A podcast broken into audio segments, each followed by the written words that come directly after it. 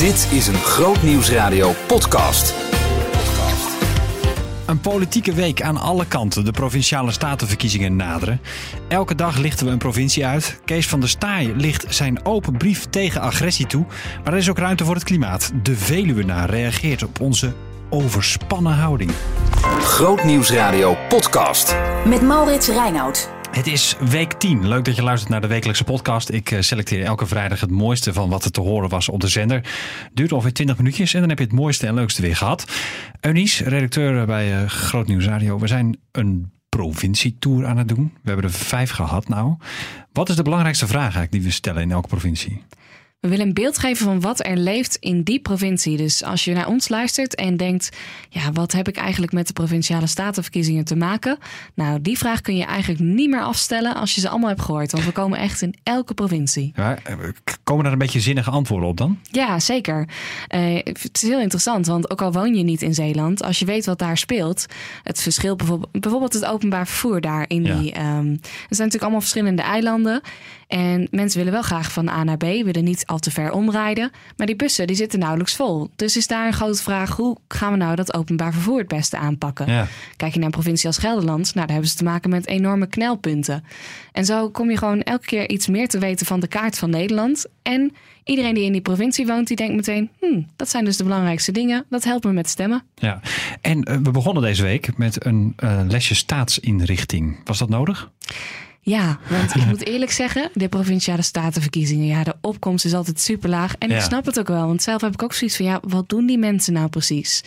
Nou, en dat valt eigenlijk allemaal best goed samen te vatten. En we hebben ook gewoon met een maatschappijleerdocent daarover gesproken. Dus ja, eigenlijk hadden we dit allemaal op de middelbare school al moeten weten. Dus Ja. Maar dat vergeten we ook weer. ja, nee, Dat is precies. het, en als je dat dan eens in de vier jaar weer moet oprakelen, al die kennis. Ja, nee, we moeten het even opfrissen. Maar je kan natuurlijk ook gewoon een kieswijzer invullen. Ja. Maar ja, de provincie, ze gaan over de, de grote lijnen die wij... Er zijn eigenlijk een beetje de brug tussen eh, de landelijke politiek en onze gemeentes. Wat daartussen valt, dat doen zij. Ja, je hoort Johan Paul, docent maatschappijleer aan het eh, Guido de Brij Rotterdam. Nou, op eh, woensdag 20 maart dan kunnen wij de volksvertegenwoordiging kiezen van de provincie waarin we wonen. Nou, die provinciale staten, zo heten die, die hebben best wel een eh, impact op verschillende terreinen van ons dagelijks leven. En ze gaan bijvoorbeeld over de indeling van de beschikbare ruimte. En dan moet je het volgende voorstellen. Stel je een stuk grond of een kavel. Dan kunnen de provinciale staten via het beleid dat ze voeren bepalen wat daarmee gaat gebeuren. Dus bijvoorbeeld komen er windmolens of breiden we een stad die in de buurt ligt, breiden we die daar uit? Of komt er een bedrijventerrein? Eh, maken we er een natuurgebied van? Of komt er een recreatiegebied? Nou, en die partijen waarop je kunt kiezen op 20 maart, die bepalen dus bijvoorbeeld hoe zo'n ruimte wordt ingericht en welke nadruk je provincie dus gaat leggen. En je snapt misschien wel bij die keuzes die ik net noemde, daar komen bepaalde belangen bij kijken. Leg je namelijk nadruk op natuur, of op werkgelegenheid, of op duurzaamheid. En die stem die jij eh, kunt uitbrengen, die heeft dus invloed op dat beleid in jouw provincie. Ja. Daarnaast zijn er nog heel wat taken op het gebied van cultuur en openbaar vervoer en enzovoorts. Maar dat is wel heel belangrijk. Oké, maar eh, ja, kunt u nog eens een paar andere taken echt noemen? Nou, bijvoorbeeld dat eh, er bepaald wordt hoeveel geld er soms gaat naar cultuur. Eh, ze bepalen waar wegen en spoorwegen en scheepvaartverbindingen komen, industriegebieden. Eh, ze zijn verantwoordelijk voor de aanleg en het onderhoud van de provinciale wegen bijvoorbeeld. En eh, ze houden ook toe- toezicht op de naleving van natuur- en eh, milieuwetten, dat soort zaken. En, en, en stel, stel dat de provinciale staten er niet waren, dan had je de gemeente en de regering. Wat, wat zouden we missen? Wat zouden we daarvan merken? Nou, dan zou er zeer waarschijnlijk veel meer vanuit Den Haag geregeld worden. Dus vanuit één plek. En eh, ja, dan kan er minder echt beleid op een, een provincie specifiek gemaakt worden. Dus dan heb je natuurlijk kans dat een provincie als Drenthe, die legt andere accenten als het gaat om natuur bijvoorbeeld, dan een provincie met wat meer industrie. En eh, ja, in een provincie hoop je toch wat meer binding te hebben met eh, de bevolking, met de inwoners van zo'n provincie. Dus kunnen ze meer directe invloed uitoefenen. Dus dat zou een voordeel kunnen zijn voor een provinciale staat. Ja, precies. Dan eh, eh, zijn er ook verkiezingen voor de waterschappen. Wat doen die eigenlijk?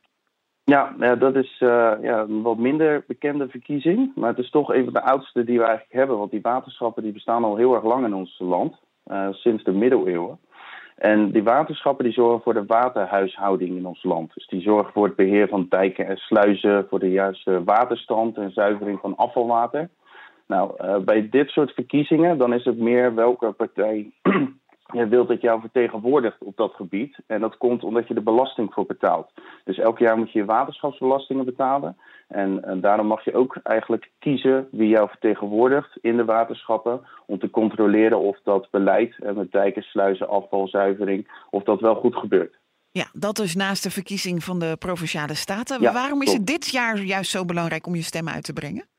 Ja, nou dan gaan we weer even terug naar die provinciale statenverkiezingen, ook 20 eh, maart. En um, nou, we kennen allemaal de Tweede Kamer wel, hè, Den Haag. Daar is nu een coalitie van VVD, D66, uh, CDA en ChristenUnie aan de macht, het kabinet Rutte 3. Nou, er is naast die Tweede Kamer ook een Eerste Kamer. En die moet alle besluiten en wetten die door de Tweede Kamer zijn goedgekeurd, ook nog goedkeuren. Nou, de coalitie heeft nu een meerderheid in die Eerste Kamer, maar straks dus misschien niet meer. En dat komt eigenlijk door het volgende. Wij kiezen nu in maart de leden van de provinciale staten. Maar over twee maanden gaan die zelf ook weer stemmen. Dus dat heet een indirecte verkiezing. Waar kiezen die dan voor? Op 27 mei gaan zij stemmen wie er in de Eerste Kamer komt. En je kunt je misschien voorstellen dat als nu iemand voor het CDA bijvoorbeeld in de provinciale staten verkozen wordt, dat die dan ook weer op iemand voor het CDA in de Eerste Kamer gaat kiezen. En uh, dat is eigenlijk hoe onze Eerste Kamer met 75 zetels gevuld wordt. Ja. Dus als jij nu uh, bijvoorbeeld het met de coalitie eens bent, dan wil je dat zij ook in de Eerste Kamer die meerderheid behouden. En dan ga je op coalitiepartijen stemmen deze uh, provinciale statenverkiezingen. Maar je kan dus ook juist uh, via deze verkiezingen een signaal afgeven dat je juist op een oppositiepartij stemt. Ja. En dan verlie verliezen ja. dus misschien een meerderheid. Ja, als je goed hebt opgelet, dan eh, weet je dus nu precies waarom je gaat stemmen op 20 maart. En nou, dan kun je misschien ook een beetje gaan verdiepen op welke partij je dan wil gaan stemmen. Als je daar nog stemadvies bij nodig hebt, we gaan dus nog provincies bezoeken deze week. Grootnieuwsradio podcast. Met Maurits Reinoud. Kees van der Staaij is partijleider van de SGP en hij heeft een open brief geschreven tegen agressie. Over tot 10 tellen.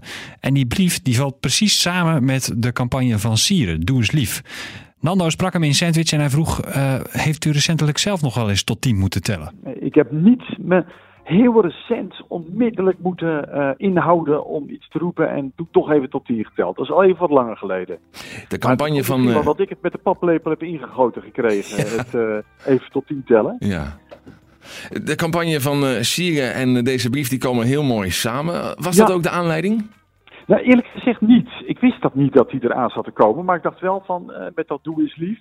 Um, ja, dus uh, Sieren zit wat breder nog in, op het verkeer en, um, uh, en het, het, het, tegengaan van wat zij noemen hufterig gedrag. Dus dat is ook prima. het ging mij hier heel speciaal ook om het taalgebruik. wat we dan in de Tweede Kamer merk je ook wel dat het de neiging heeft om steeds harder te worden en steeds meer persoonlijke verwijten te maken. We zagen kort geleden nog dat Denk en de PVV elkaar echt heel fors ook de, in, de, in, de, in de haren vlogen. Um, en je ziet het soms ook op Twitter, uh, mailtjes, de, hè, de moderne media die maakt het ook natuurlijk ook nog eens extra makkelijk om even heel snel iets vanuit boosheid erop te zetten. En ja, vandaar de raad uh, van denk even na voordat je dat doet. Agressie in de politiek is ook een van de ergernissen die genoemd werd uh, in de campagne van Sieren. Dus dat komt dan toch wel weer mooi overeen. Is het dan ook een, een, een brief ook naar uw collega-politici? Ja, het is een, een, een, brief naar iedereen. En, en inderdaad ook uh, uh, niet om alleen maar met de vinger te wijzen naar anderen. Maar juist om gewoon met elkaar in de spiegel te kijken van, ja, je kan aan de ene kant ook als het gaat om uh, reacties die je krijgt op bepaalde politieke stellingnames. Ik merk dat ook wel eens onderwerpen als abortus of euthanasie. Dat je soms hele boze en heftige reacties krijgt. Um, waarvan je zegt van nou laten we met elkaar even bedenken um, op welk onderwerp het ook gaat. Dat iedereen de vrijheid heeft om te vinden wat hij vindt, dat naar voren te brengen. Maar dat je daar ook wel met enige eh, zelfbeheersing dan op reageert. En niet gelijk helemaal alle uh, remmen los laat gaan. Ja. U zei al, als uh, politicus uh, bent u ja, ook regelmatig doelwit van felle reacties. Twitter, veel gebeurt er online. Heeft dat ook meegespeeld in het schrijven van de brief? Um, niet, het was niet voor mij de, de aanleiding, maar het was wel de herkenning die ik daarbij had. Van, kijk, ik heb zelf de neiging, ik ben niet, zit niet zo gauw te kast om te denken van, nou, mensen zijn boos. En vaak als je met mensen praat uh, en je drinkt een kopje koffie, denk je van, nou, het zijn, zijn eigenlijk veel aardiger dan je op grond van die boze mailtjes zou vermoeden. Ehm, eh, maar het kan ook een soort valkuil zijn dat je denkt, van, nou, ik kan er wel tegen. Dat je het eigenlijk normaal gaat vinden. Dat zou ik eigenlijk jammer vinden. Dat we met elkaar zeggen van nou, je moet er allemaal maar tegen kunnen. Net zoals we vroeger bij politieagenten zeiden. Van ja, die kregen allerlei beledigingen naar de oren. En zeiden ja, als je daarvoor kiest, dan moet je er maar tegen kunnen. En aan de ene kant is dat waar, dat je qua persoonlijkheid dat moet kunnen hebben. Maar aan de andere kant moet dat niet betekenen dat we met elkaar eraan wennen uh, dat het normaal is. En moet je ook gewoon wel kunnen zeggen van, joh, um, doe dat even niet zo. En er zijn ook mensen die er inderdaad wel heel erg door geraakt kunnen worden ook. Uh, dus je moet ook met elkaar een beetje bewaken dat je gewoon fatsoenlijk ook met elkaar blijft omgaan. Zit er dan wat u betreft een begrenzing aan de vrijheid van meningsuiting? Ja, die, uh, die grenzen zijn er zeker. Er mag veel. Maar als het gaat echt om het bewust uh, beledigen, laat staan het, het bedreigen van mensen of het uitschelden van mensen, nou, dan, dan, dan, uh, dan heeft niets meer met meningsuiting te maken, maar dat is puur ongeremd gedrag. Hmm. Nu zitten we in de campagne richting de verkiezingen. Hoe belangrijk is dit thema dan voor jullie als politieke partij? Nou, ik vind dit ook zeker een van de thema's. Kijk, ik heb ook gedacht, uh, uh, dit is een thema waar ook iedereen zijn voordeel mee kan doen, ook in de provinciale staten. Ik vind het jammer als landelijke politici alleen maar over landelijke thema's spreken, terwijl het wel ook over provinciale verkiezingen gaan. Dus het raakt nadrukkelijk ook uh, ons optreden als volksvertegenwoordigers, niet alleen in Den Haag, maar ook in Arnhem. En in, uh, in, in, in het provinciehuis van Den Haag en op al die andere plekken, waar ook weer veel nieuwe politici uh, aankomen stormen. Uh, maar ook verder gewoon ons allemaal als burgers. Is dat het thema waarvan wij zeggen, ja, dat hoort ook, hoe ga je met elkaar om? Dat hoort ook bij waar we het met elkaar wel over moeten hebben. En niet alleen maar over de praktische beleidsmaatregelen van de overheid. Dus ook ja, een stuk meeverantwoordelijkheid, vind ik, van, die je als politicus hebt. Ook in het, het, het, het bespreken en bewaken van hoe gaan we in het land met elkaar om. Kees van der Staaij dus in Sandwich. Grootnieuwsradio podcast. Met Maurits Reinoud. Bij Grootnieuwsradio besteden we regelmatig aandacht aan het klimaat. Doe op allerlei manieren. We praten bijvoorbeeld met experts over het terugdingen van de CO2-uitstoot en hoe we ons leven kunnen veranderen, zodat het ook nog mooi is hier op aarde voor onze kinderen en de kleinkinderen die wij misschien nog gaan voortbrengen als jonge mensen. Nou, uh, Marien sprak in de dag van vandaag met iemand die daar even een kanttekening bij plaatste. Louis Franje, hij geeft rondleidingen op de Veluwe. Hij is ook vertegenwoordiger van de Veluwenaar. En hij brengt de gemoederen even tot bedaren. Eigenlijk stoor ik me ook wel een beetje aan uh, al dat uh, doorgedraaf. Want moet je luisteren, ik uh, ben ook natuurliefhebber en ik hou ook van de natuur. En ik vind ook dat we er wat aan moeten doen. En dat we dus ook om het te behouden. Maar ja, de een wordt nog gekker dan de andere. Want ik bedoel, let op met het volgende. Wij, wij jarenlang zijn we bezig geweest om weer mooi bos terug te krijgen op de Veluwe. Mm-hmm. En nu gaan ze dat bos helemaal platzagen en wordt het opgestookt in biomassacentrales. Wat weer CO2 uitstoot. En wat zijn we mee bezig? Ja, ja, nee, ja. ja u, u, u zegt we draaien ineens allemaal om en anders ineens moeten we al die gekte uh, qua klimaat. Maar ja, dat komt natuurlijk omdat we veel te laat zijn, zullen ze dan zeggen, toch?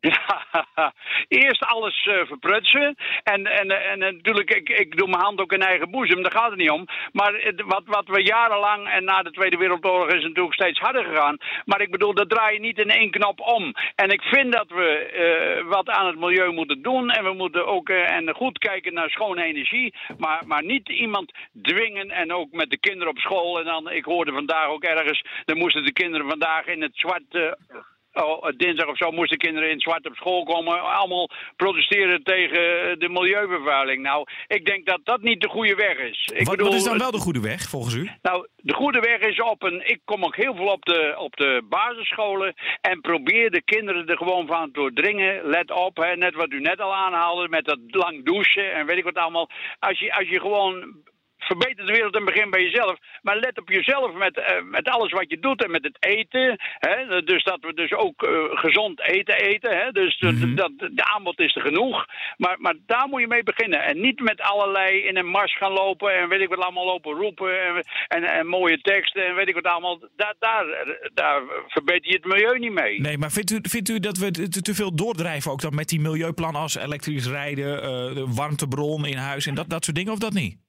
Nou, ik vind, moet je luisteren, eh, een tijd geleden was er ook zo'n mevrouw op televisie. En, en, en eh, we, we moeten allemaal elektrisch gaan rijden. En, en, maar wie, wie zegt dat? Wie, wie, vindt, wie vindt wat, dat we dat moeten? Als je ziet hoe, hoe eh, die, die kobalt die gebruikt wordt voor die accu's. Dat de kindertjes in Afrika die gewoon hele, in hele slechte omstandigheden in die vergiftige troep staan te scheppen. Waarvan in elke accu, ik geloof, 15 kilo van dat smerige spul gebruikt gaat worden.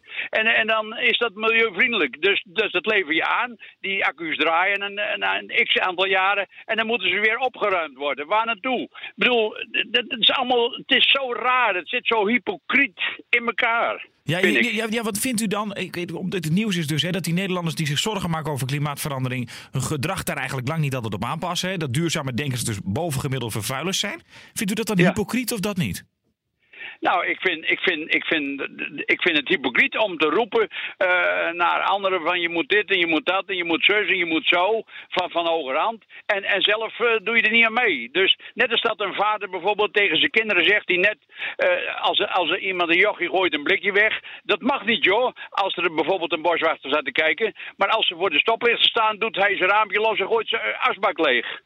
Ja, ja precies. De- de- nou bent u ook christen, hè? Hebben we, we- als christen hebben we misschien wel een taak, een extra taak... om, om goed voor de, voor de aarde te zorgen. Hoe ziet u dat? Ja, uiteraard. Wij zijn de rentmeesters. Ik heb vanmiddag nog een hele lezing hier, eh, een hele mooie lezing hier gehouden in Katwijk aan zee. Maar ik bedoel, ja, dat, die taak hebben we zeker. Hè? Want mensen wijzen ook gaan naar jou. Want, dan moet jij het helemaal goed weten. Want in de Bijbel staat zo, in de Bijbel staat zo.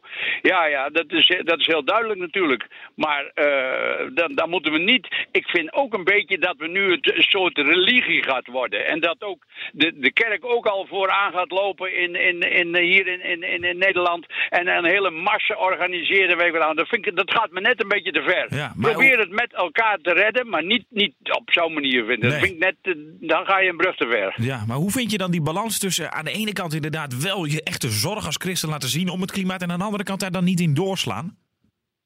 Ja, dat is heel raar. Dat, is, dat, begrijp ik zelf ook helemaal niks van.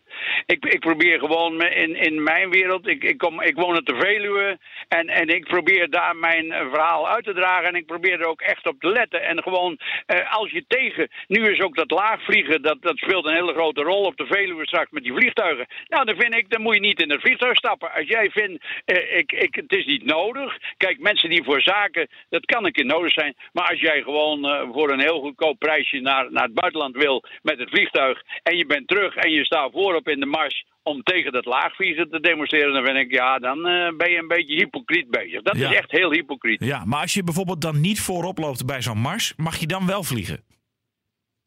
Nou, ik vind, ik heb net even proberen uit te leggen, als het voor zaken is en, en eh, het is belangrijk dat je dan naar een ander land moet vliegen, ja, dan, dan ontkom je er misschien niet aan. Maar wij gaan ook niet eh, met, met vakantie, we zijn nu lekker naar Katwijk geweest, dat is voor ons een hartstikke leuk uitje. En, en dan moet je gewoon eh, ja, bij je eigen denken, ja, misschien wil ik dat gaan, maar ja, neem dan bijvoorbeeld als je over landen en kunt rijden, neem dan bijvoorbeeld de trein of zo. Je hoorde Louis Fraanje van eh, de Veluwenaar in de dag van vandaag. En er kwamen nogal wat dankbare reacties op dit gesprek van mensen die zich hierdoor vertegenwoordigd voelden.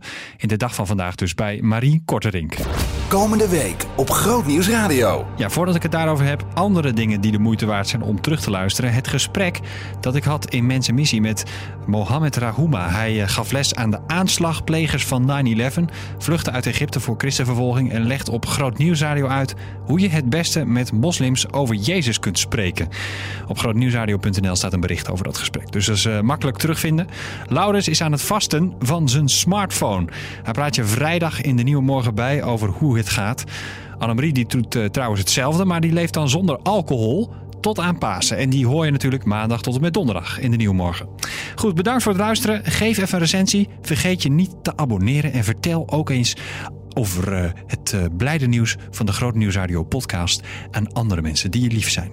Loop niet in zeven sloten tegelijk, dan treffen we elkaar volgende week weer. Het terugluisteren van bijzondere interviews en uitzendingen. Artikelen over nieuws, achtergronden en persoonlijke verhalen. En natuurlijk alles wat je wilt weten over je favoriete programma's. Jesus, bring the wine out. Bezoek nu onze gloednieuwe website grootnieuwsradio.nl. Groot Nieuws Radio.